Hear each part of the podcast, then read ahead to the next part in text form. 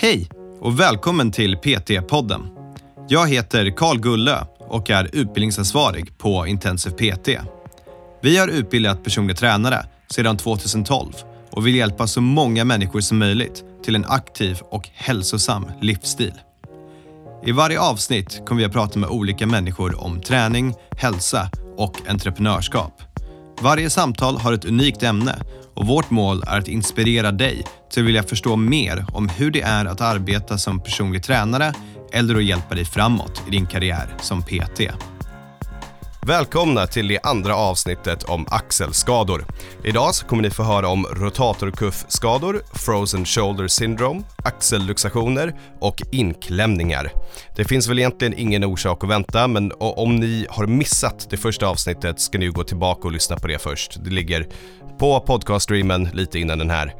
Hörni, vi kör igång. Uh, så okej, okay, prehabilitering, lite allmän träning där. Uh, jag tror nästan att det börjar bli dags att gå in på uh, de olika typerna av axelskador. För nu, nu vet folk som lyssnar på det här att du, du ska inte vara alldeles för rädd för smärta. Du kan testa lite olika vinklar, kolla olika sidor, se om det skiljer sig. Men kommer någon med och säger jag har frozen shoulder, jag har en axel som har luxat tidigare. Mm. Jag har det här, vad ska man tänka på då? Så om vi börjar mm. med, eh, ja, jag, jag tänker vi börjar helt enkelt med en rotatorkuffskada. Just det. Ja, det beror lite på vad det är för typ av skada. Är det en, man tänker en tendinopati och sen som någon form av överbelastning i och, och, och även förändring i senans struktur så ja, då är det egentligen successiv upptrappning som gäller. Att man, man kanske backar lite på det, på det som gör ont och sen får man successivt trappa upp träning. Och har de en diagnos med sedan tidigare, då har de förhoppningsvis någon form av råd, regim och kanske även träningsövningar som man då som PT självklart kan ta med sig i passet. Kanske att man till och med kan kontakta den personens naprapat eller kiropraktor. Du, jag, nu ska vi träna här, är det någonting speciellt vi ska tänka på? Så det kan vara en ganska bra tumregel egentligen oavsett skada om man har fått en diagnos mm. tidigare.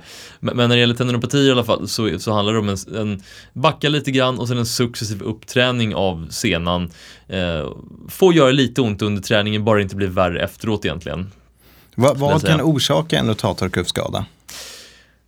Alltså överanvändning skulle jag säga, repetitivt arbete i vardagen. Och sen har rotatorkuffen en tendens att med, med stigande ålder från säg drygt 40 så ser man att den ofta, att cirkulationen ofta blir lite nedsatt, att, att den ofta, att det sker vissa åldersrelaterade förändringar av i senans struktur. Och jag tror det är en kombination av olika faktorer, alltså det, det är ålder, det är eh, självklart hur mycket man använt det, vad man har gjort för någonting och just i vardagen har vi ju tyvärr en tendens, jag tänker man sitter mycket vid datorn, jobbar med musen, det är ju en typisk sån här grej som man, Absolut. även bilkörning, och sen om man har ett mer specifikt jobb, man är hantverkare eller man är elektriker eller frisör eller tandläkare. Jag tänker med målare. målare det måste vara helt absolut. brutalt. Verkligen. Och där är det, det inte så att du kan byta bara, men du byter med den dominanta till den odominanta sidan ibland, för då blir det fult när man målar. Då, liksom. då, då, får man inte måla så många fler hus. Så att det, nej men det, visst är det så. Så att jag skulle säga det är en generell överanvändning och att kanske de här besvären har byggts upp över tid egentligen.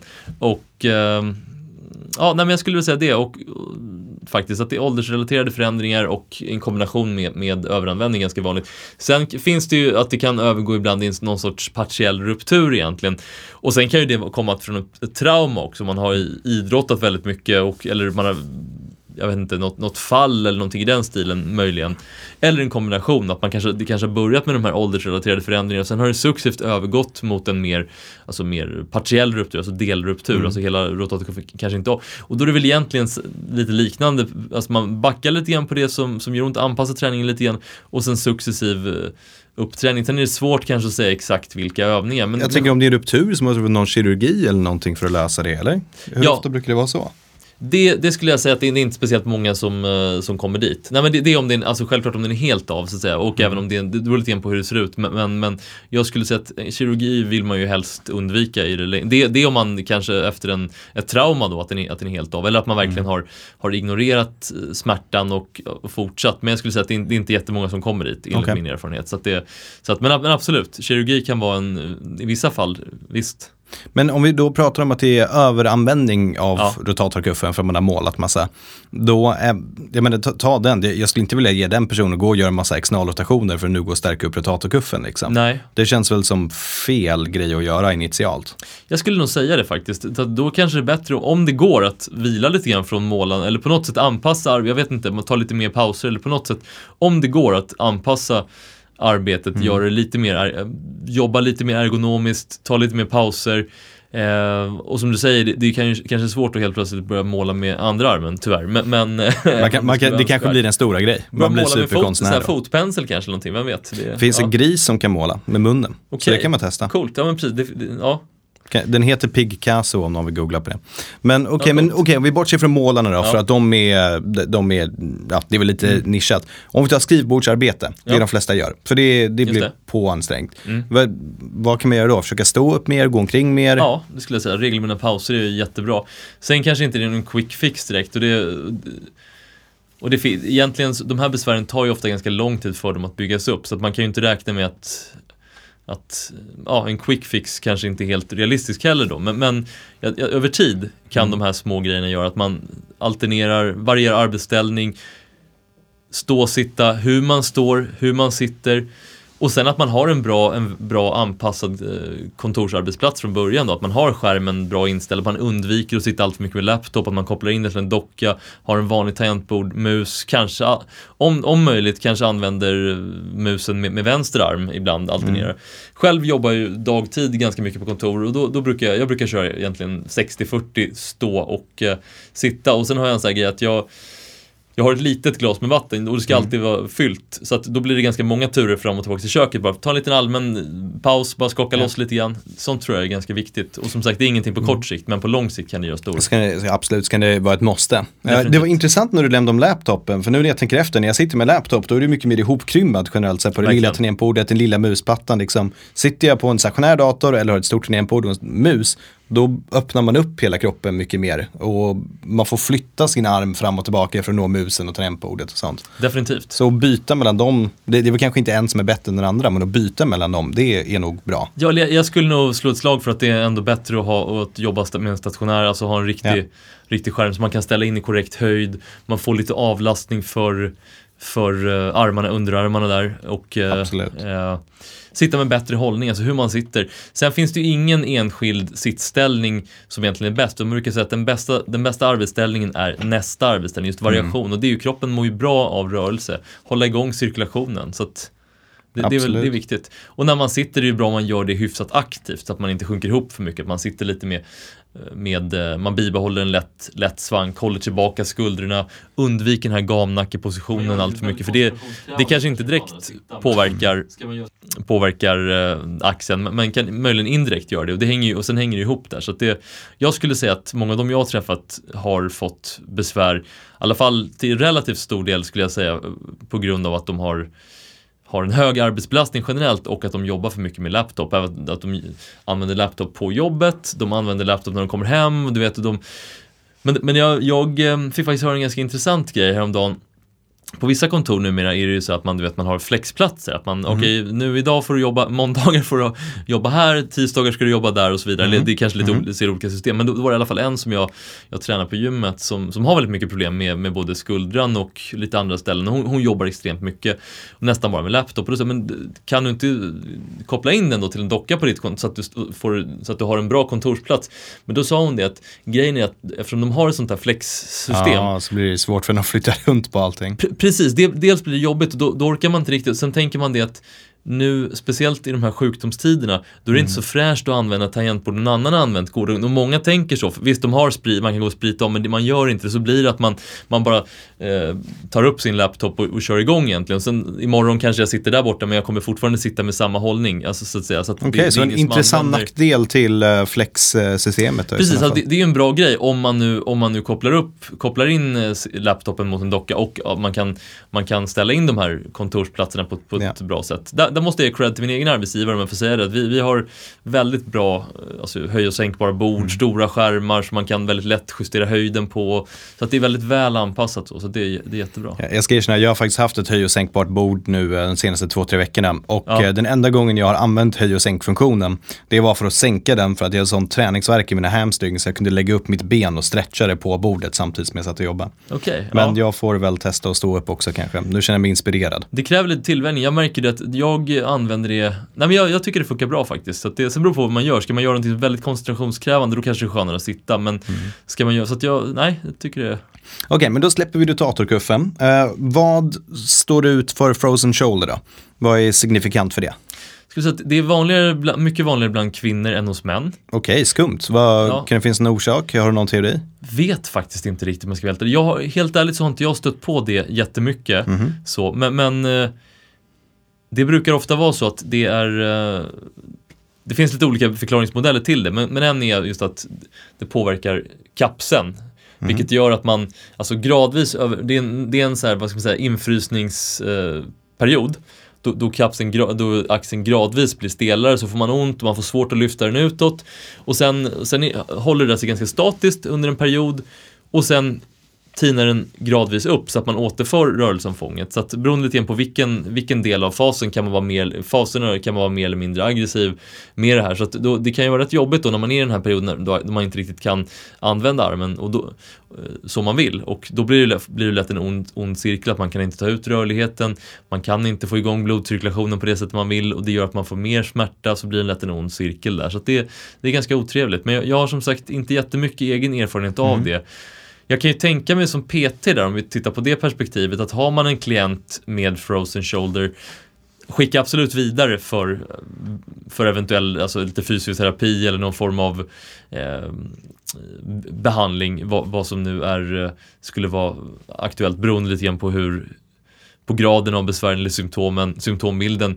Men vad jag kan tänka mig att det kan definitivt påverka träningen, framförallt press och dragövningar egentligen. Man kan inte jobba med armarna kanske så högt upp och sådär och det gör ont. Så då kanske man får inrikta träningen lite mer mot andra kvaliteter. Nu kör vi mer ben under en period, mer bål, du kan träna armarna.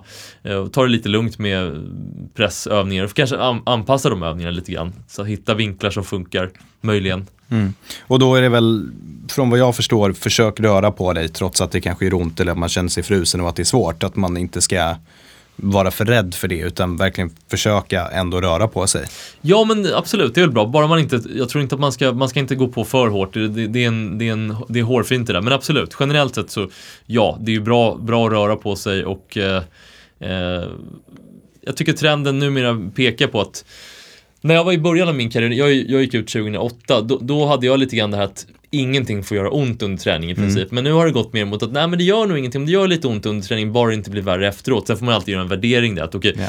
om symptomen ökade efter träningen, och smärtan och andra symptom, då, då har man gjort för mycket. Men har det inte blivit värre, då var det, då var det kanske okej. Så återigen där, ställ in en notis och fråga kunden, kanske inte en vecka efter för då har det gått ganska mycket tid, men två dagar efter för då är det ganska färskt i deras huvud. Exakt. Eh, hur, känn, hur upplever du att det känns? Visst är det så. Sen har jag, nu är det lite off topic egentligen utanför just det vi pratade om frozen shoulder här, men jag har märkt att det här är en bra grej som PT, att man, man lär känna sina, Inget av det där kommer plockas ut. Man- Eller det jag säger nu. ja, Jag kommer kunna stänga av den micken så, så att du vet. Låt den här. ja det, Så är Är du klar? Okej. Nej men just att det är, det är lätt Jag har märkt så här. För vissa klienter då, kanske de som är, har en tendens att inte känna e- efter så mycket. Som du sa, den här tjejen som hade som, som Fast det kanske egentligen var en, var en åtta för någon annan person på smärtskalan Men hon ville köra på ändå. Då kanske man ska fråga lite extra, att, du, hur känns det verkligen? Men i andra fall, om det är de här personerna som gärna där det, blir där det blir lite för mycket negativt eller för mycket fokus på den här smärtan Då kanske jag tonar ner det istället, då frågar inte jag det första på Tja, hur är läget, hur är det med axeln? Utan då, då tar jag det senare istället, då, försöker jag sätta en positiv Absolut. Så att man inte bara fokuserar på det här negativa utan man ser också möjligheten, jobba med den här Den, ehm, den eh, vad ska man säga, den eh, Ja, men försöka Ja. skapa en positiv association till det istället för Verkligen. att de blir sin skada. Verkligen. Det är någonting jag pratar om mycket i podden, att folk har en tendens att bli sina skador. Och då låter det som att du försöker inte låta dem bli sin skada liksom. Visst är det så, verkligen. Och det se möjligheterna, motivationen och eh, Det, och jag tror också attityden man har och det, och sitt, det förhållningssättet man har till en skada eller ett smärt, någon form av smärtproblematik eller en, en, en rehabperiod eller vad du vill kalla det, det. Det tror jag kan på något sätt ändå påverka ganska mycket. Alltså kör man det Kör man på med en positiv attityd så kommer man ofta ganska långt, som, mm. som alltid. Så Absolut. Det... Okej, så då släpper vi Frozen Shoulder och så går vi vidare till, um, ja vad säger du, jag tror vi tar en axelluxation. Som någon har historiskt sett haft en axel som har luxat. Börja med att berätta lite vad det är och sen kanske vad man kan tänka sig kring det. Precis, det kan ju vara dels att den har luxat om man har jag, jag, tänker en person, om man, alltså, om man har varit med, varit med något trauma naturligtvis. Och eh, då blir det ju ofta så att vissa strukturer blir lite uttänjda så att man har en större chans till återfall. Det kan också vara så att man är naturligt överrörlig, man kanske håller på med en sport som simning, gymnastik eller volleyboll exempelvis där man jobbar väldigt mycket här ute och då kan det vara så att, man kan, att den kanske är på väg att subluxa lite grann, man har en käns verkligen mm. liksom stark känsla av instabilitet. Och då gäller det att man försöker träna upp den, att, att man kanske undviker att jobba för mycket med rörligheten men stärker upp axeln och då kan, man, då kan det vara läge med då lite extra... Då är rotatorkuffen. Då, då är det rotatorkuffen, precis. då, då, då, kan det vara läge med lite extra rotatorkuffträning. Och kanske att man då där vill jobba lite mer i de här vinklarna, alltså där man, man kanske börjar med armarna i en lite mer, en lite mer vad ska man säga, säker position. Och sen kan man, kan man successivt jobba lite mer närmare de här, närmare de här ytterlägen och försöker då att man känner att man verkligen kan kontrollera, så känslan, få in det, att i de här övningarna så, så kan man fortfarande hålla eh, hålla ledpannan centrerad i, eh, i, eh, i ledhuvudet, där, i, i mm. leden helt man, man har den, den känslan. Så, så det, man, man, försöker provocera utan att förvärra liksom? Ja, det skulle man kunna säga, att man gradvis trappar upp det. Sen är det en person som håller på en idrott, då är det alltid bra att ha en helhetssyn där. Att, okay, mm.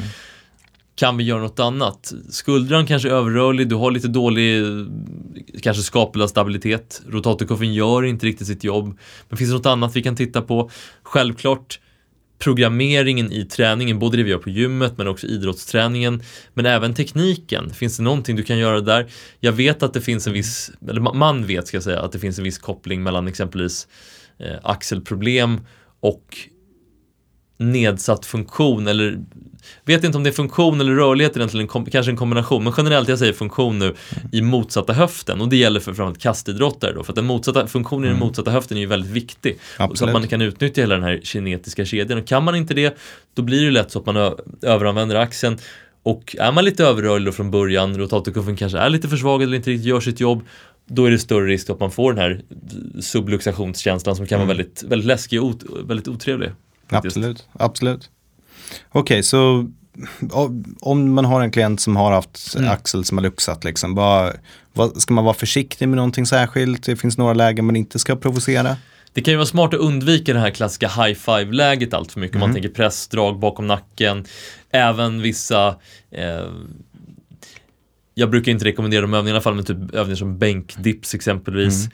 Kan nog vara läge att vara lite försiktig generellt med snatches, mm. om man kör mycket det. Nu säger jag inte att det att man, att, man inte kan göra dem, men man, om man gör det ska, de, ska man utföra dem med bra teknik och en bra programmering där. Mm. Man ska vara duktig som PT på att Du ska se till att kunna snatcha om du ska snatcha i sådana ja, fall. Ja, exakt. Verkligen, man ska förtjäna sina snatches. Ja. Och lite overhead squats och lite sånt. Men yes, jag kan prata om det här, fan vad glad jag blir. Definitivt. Men li, lite sådana saker. Ja, definitivt. Men generellt tar det lite försiktigt med det här high five-läget och man tänker att axeln alltså är abducerad utåtroterad och lite horisontellt abducerad också. Då är kapseln lite grann som mest, eller då är den som mest uppstramad. Då blir det ingen så stor påfrestning på, på de främre strukturerna på, på axelleden där. Så där, där kan det vara bra att vara lite försiktig. Det gäller öv, övningar som, eh, som um, pekdäck. Nu, mm. nu, tycker jag inte att den, eh, ja, den, den, den, kanske får placeras i samma kategori som den här flies-maskinen då. ja, favoriterna. Och övningar som man inte behöver mm. generellt sett.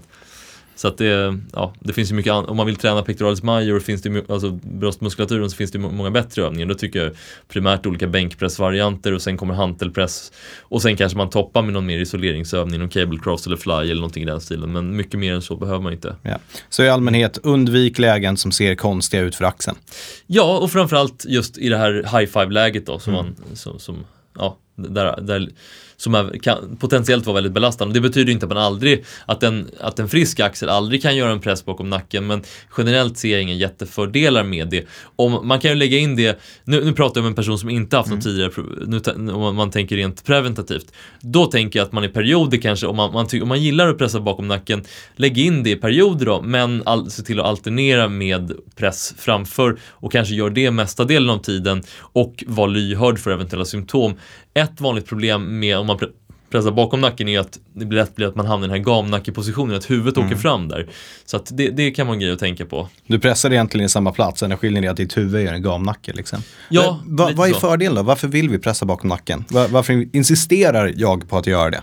Exakt. Till exempel. Ja, jag, jag, tror att det helt enkelt handlar om en eh, för vissa känns det mer naturligt att man, man tänker att man pressar liksom rakt upp det. Annars är huvudet lite i vägen, att man ska pressa runt det. Så det, det, kan ju vara en faktor. Sen tror jag att det är det att man, det är lite mer hardcore. Man tänker att det ger en större aktivering av, eh, av eh, deltoideus som man pressar bakom. Mm. Men, men det har man ju sett att så är inte fallet. Det kan vara en fördel kanske om man håller på mycket, om man vill hålla på mycket med olympiska lyft, då kanske det är bra att man ser till att man är, att man är stark i den ja, Jag vet att vi, måste... vi, har gjort mycket inom tyngdlyftningen, uh, jerks eller stöt bakom nacken för ja. att det är lättare att hitta en rak rörelsebana då. Ja. Så om man är ny, då blir det mycket bakom nacken bara för att det är enklare att hitta till rakt ovanför huvudet jämfört med en front track som kan vara lite tuff att hålla. Ja. Men men, det kan jag köpa, för då är det ändå tydligt. Liksom. Nej, precis, det, det, är ju väldigt specifikt, men då, då har ni ändå ett tydligt syfte med det. Det tycker jag är helt okej, okay, absolut. Men man, det, bara man vet bara man, bara man har ett, som sagt, man gör någonting av en anledning och man har någorlunda koll på det man gör. Det tycker jag är, det är väl det, är väl absolut viktigaste. Och speciellt som Pet, i synnerhet som Peter när man, är, när, man, när, man, när man är professionell. Man har en professionell yrkesroll. Ja, nej, absolut. Men okej, okay, så större muskelaktivering av deltoideus, pressa bakom nacken. Vi kan förkasta den. Jag skulle nog säga det. Nu kan jag inte hänvisa till en konkret studie, men generellt, alltså jag har läst lite, alltså min, min samlade, av det jag har läst och min samlade bedömning så verkar det inte vara det. Och om det, om det, är, om det är någon fördel så, så är den marginell i sådana fall. Så jag skulle mer säga att vill man pressa bakom nacken så är det av den anledningen som du, som du säger. Eller om man vill liksom, man på något sätt har man en anledning att man för sin idrott eller vad det nu kan vara, att man, man behöver vara stark i just det läget, mm. då kanske det är helt okej. Okay. Tänker vi bara för en den eh, genomsnittliga gymtränaren som vill, som vill bygga upp sina muskler lite grann, bli lite starkare, då har du nog inga större fördelar skulle jag säga. När vi ändå är inne på samma spår av bakom framför nacken, ja. pull-ups. Just det. Och gör Nej. det liksom vanliga pull-ups eller gör det ja, pull-ups bakom nacken så att stången kommer mot nacken? Just det. Nej men då skulle jag säga att då, då, där skulle jag klart säga framför faktiskt att det har en Jag tror till och med att det har en fördel rent eh, biomekaniskt för då blir draget lite mer framifrån att latsen får lite bättre och mm. även de andra ryggmusklerna. Även om det kanske naturligt skulle kännas som att man, man får en ökad aktivering. Men nej, jag tror att det, jag tror det är en fördel att köra framför faktiskt. Right. Och samma sak där, att det lätt blir så att man gamnacken åker upp och det, det är inte speciellt bra för det blir ganska obekväm läge. Ja, verkligen. Jag tycker också det. Okej, okay, den sista jag har på min lista som ja. jag vill diskutera, det blir då uh, inklämningssyndrom. Ja. Vad, vad, vad, vad är det om vi börjar där? Det skulle jag vilja säga är det vanligaste egentligen som man pratar om och där finns det egentligen två varianter. Det finns externt som är den vanliga som är subakromialt eh, inklämningssyndrom eller impingement som egentligen inte är en diagnos i sig och då är det så att då är det en inklämning under akromion, alltså det här utskottet överst på, på skulderbladet mellan den och eh, överarmsbenets eh, huvud där, huvudhuvudet kan man säga. Mm. Och det kan drabba då Eh, rotatorkuffen, det kan vara bicepssenan eller en slemsäck. Sen har vi inter internt impingement som är mindre vanligt. Det är framförallt kastidrotter eller idrotter där man jobbar mycket med armarna över huvudet, yngre individer.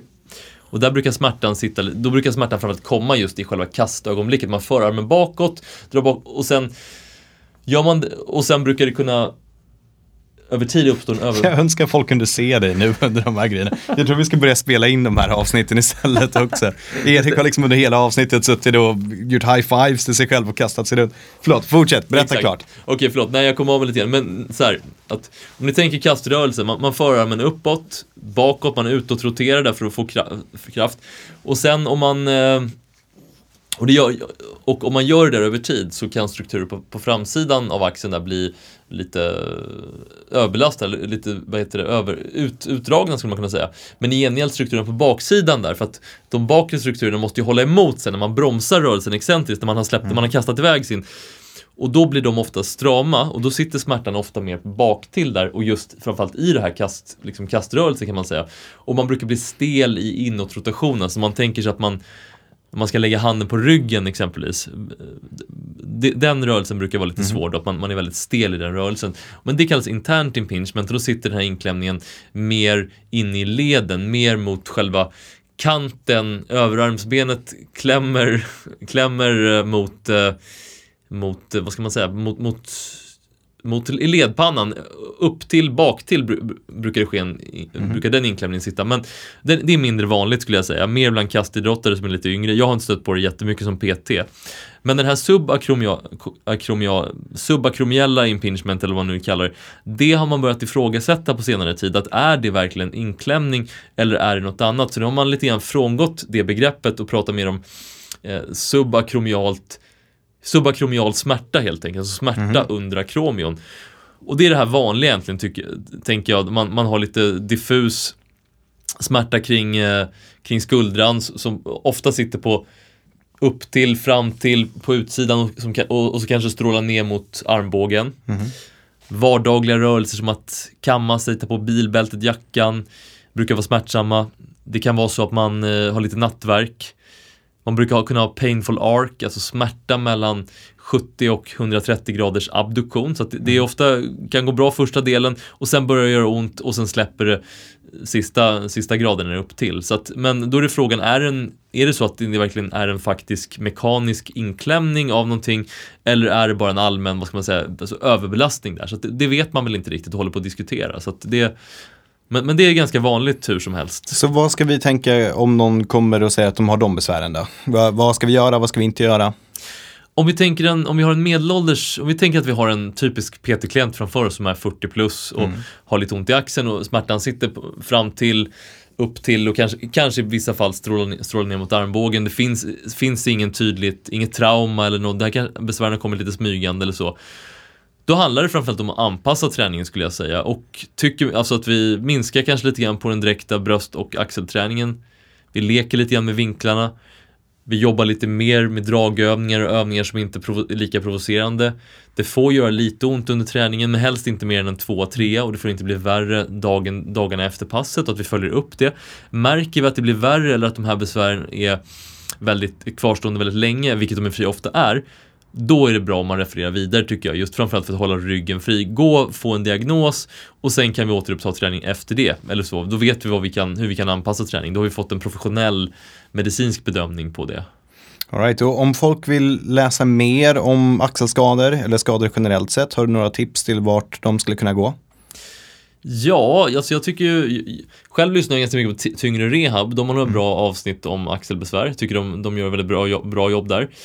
Sen har vi en bok som heter Undvik idrottsskador har ett ganska bra kapitel om axlar faktiskt. Nu kommer jag inte ihåg vem som har skrivit den, men, men den, den kan, man bara, kan man bara googla på. Det är en, det är en typisk sån här idrottsmedicinsk bok. Eh, Eric Cressy, en amerikansk, eh, vad ska man kalla honom, conditioning coach, eller strength coach eller vad vi nu skulle kunna kalla det. Han, han har specialiserat sig på just axlar och armbågar, så han jobbar väldigt mycket med kastidrottare. Han har publicerat väldigt mycket bra artiklar och, eh, och sådär, så att eh, ericressi.com kan man spana in. Han har även en del kurser och sådär, så, så det, det, tycker jag, och där är just mycket, mycket träning för, för uh, vid axelbesvär. All right. Det, jag tror folk kommer få massa nytta av att lyssna på det här avsnittet. Erik, tack så hemskt mycket för att du var med i PT-podden. Ja, men tack själv, ett stort nöje.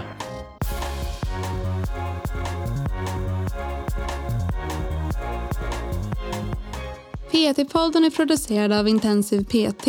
Om du vill veta mer om våra utbildningar och gå med i nätverket av framtidens personliga tränare, gå in på www.intensivpt.se. Vi har kursstarter varje månad och du kan studera helt i ditt egna tempo.